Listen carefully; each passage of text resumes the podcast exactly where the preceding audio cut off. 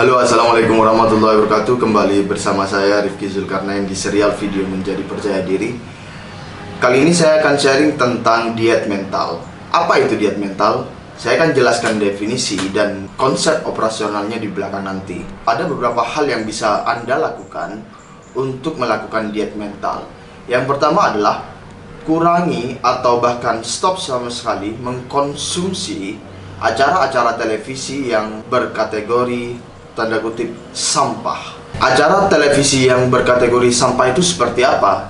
Cobalah Anda ukur-ukur sendiri tentang manfaatnya, tentang kualitas humornya, mungkin kualitas ceritanya. Yang kedua adalah kurangi atau bahkan hentikan sama sekali mengkonsumsi sinetron-sinetron yang penuh dengan kesedihan, penuh dengan kelicikan, penuh dengan pertengkaran, penuh dengan drama-drama yang yang berunsur sifat-sifat negatif di dalam kehidupan ini. Yang ketiga adalah kurangi atau bahkan hentikan sama sekali mendengarkan musik-musik galau, musik-musik sedih, musik-musik yang berkonten tidak bermanfaat, tidak menghibur sama sekali.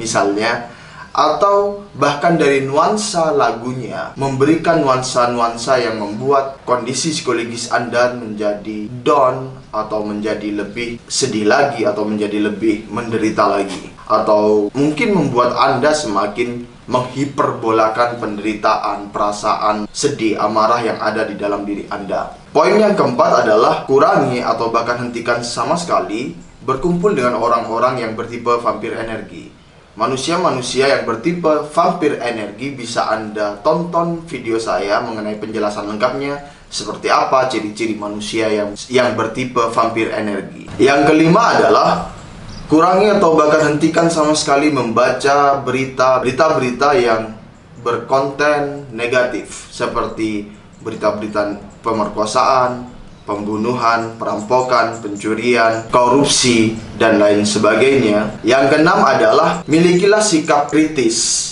dan selektif di dalam menerima informasi dari media massa. Sebabnya adalah media massa dirancang untuk menarik perhatian masyarakat supaya beritanya dibaca sehingga mereka melakukan segala teknik, segala cara mengkompos sedemikian rupa kata-katanya supaya lebih menarik, supaya bisa memikat perhatian masyarakat. Jadi apa itu diet mental?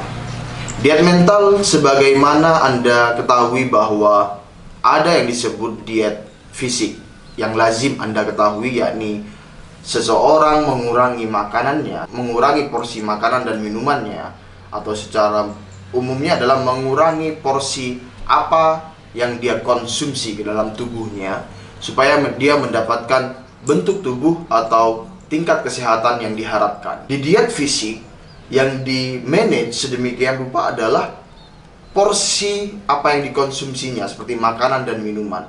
Sedangkan di diet mental yang di manage sedemikian rupa adalah porsi informasi dan jenis-jenis informasi apa saja yang dikonsumsi. Itulah yang diatur di diet mental. Sebagaimana di diet fisik, bukan berarti manusia tidak makan atau minum sama sekali tidak seperti itu. Atau hanya makan makanan yang sehat-sehat saja seperti buah-buahan, sayur, air putih, hanya tiga jenis itu saja, tidak seperti itu juga. Begitu pula diet mental. Diet mental bukan berarti Anda tidak mengkonsumsi informasi apa pun yang negatif atau tidak mengkonsumsi sama sekali informasi. Maksud dari diet mental adalah menata sedemikian rupa memanajemen informasi-informasi apa saja yang kita izinkan untuk masuk ke dalam psikologis kita. Tentu saja kita boleh dan sebenarnya bebas mengkonsumsi hal-hal negatif. Mungkin seminggu sekali, seminggu dua kali, atau aturan-aturan yang Anda bisa terapkan, bisa Anda tetapkan dan terapkan kepada diri Anda sendiri. Tujuan dari diet, baik diet fisik ataupun diet mental adalah untuk mendapatkan bentuk tubuh yang ideal serta tingkat kesehatan yang ideal. Ini artinya Anda, saya, dan siapa pun juga tidak harus melakukan diet fisik ataupun diet mental apabila kita merasa kehidupan kita baik-baik saja.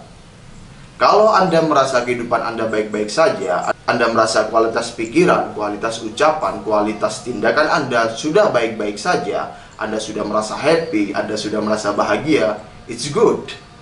Anda tidak perlu melakukan diet mental, Anda tinggal meneruskan pola hidup Anda di dalam mengkonsumsi informasi-informasi yang ada di sekeliling Anda. Catatannya adalah apabila Anda dan saya serta ada orang-orang di luar sana yang merasa psikologisnya berada di kondisi yang kurang baik, kurang terdevelop dengan baik, perasaannya galau, sedih, suka marah, kondisi-kondisi psikologis yang tidak bagus lainnya, maka bisa saya sarankan adalah cobalah lakukan diet mental.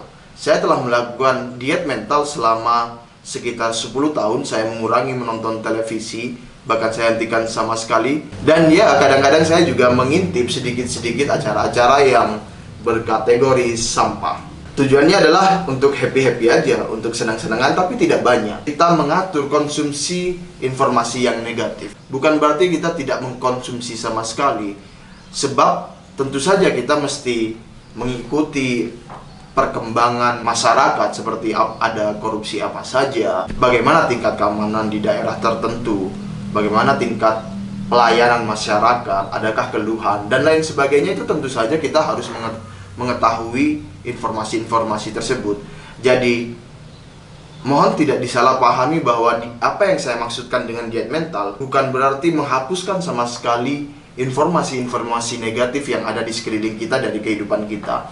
Melainkan sekali lagi aksentuasinya adalah memanajemen sedemikian rupa porsi atau dosis informasi-informasi negatif yang kita konsumsi dan memperbanyak dosis atau porsi dari informasi-informasi yang membangun hati, membangun psikologis kita, membangun keceriaan kita, membangun kebahagiaan kita, membangun kualitas pikiran kita, dan membangun kualitas kehidupan kita secara makro. Semoga bermanfaat, semoga berguna. Silahkan tinggalkan komen apabila ada pertanyaan ataupun ada tambahan, saran. Saya sangat senang bisa berinteraksi dengan teman-teman sekalian. Terima kasih. Wassalamualaikum warahmatullahi wabarakatuh.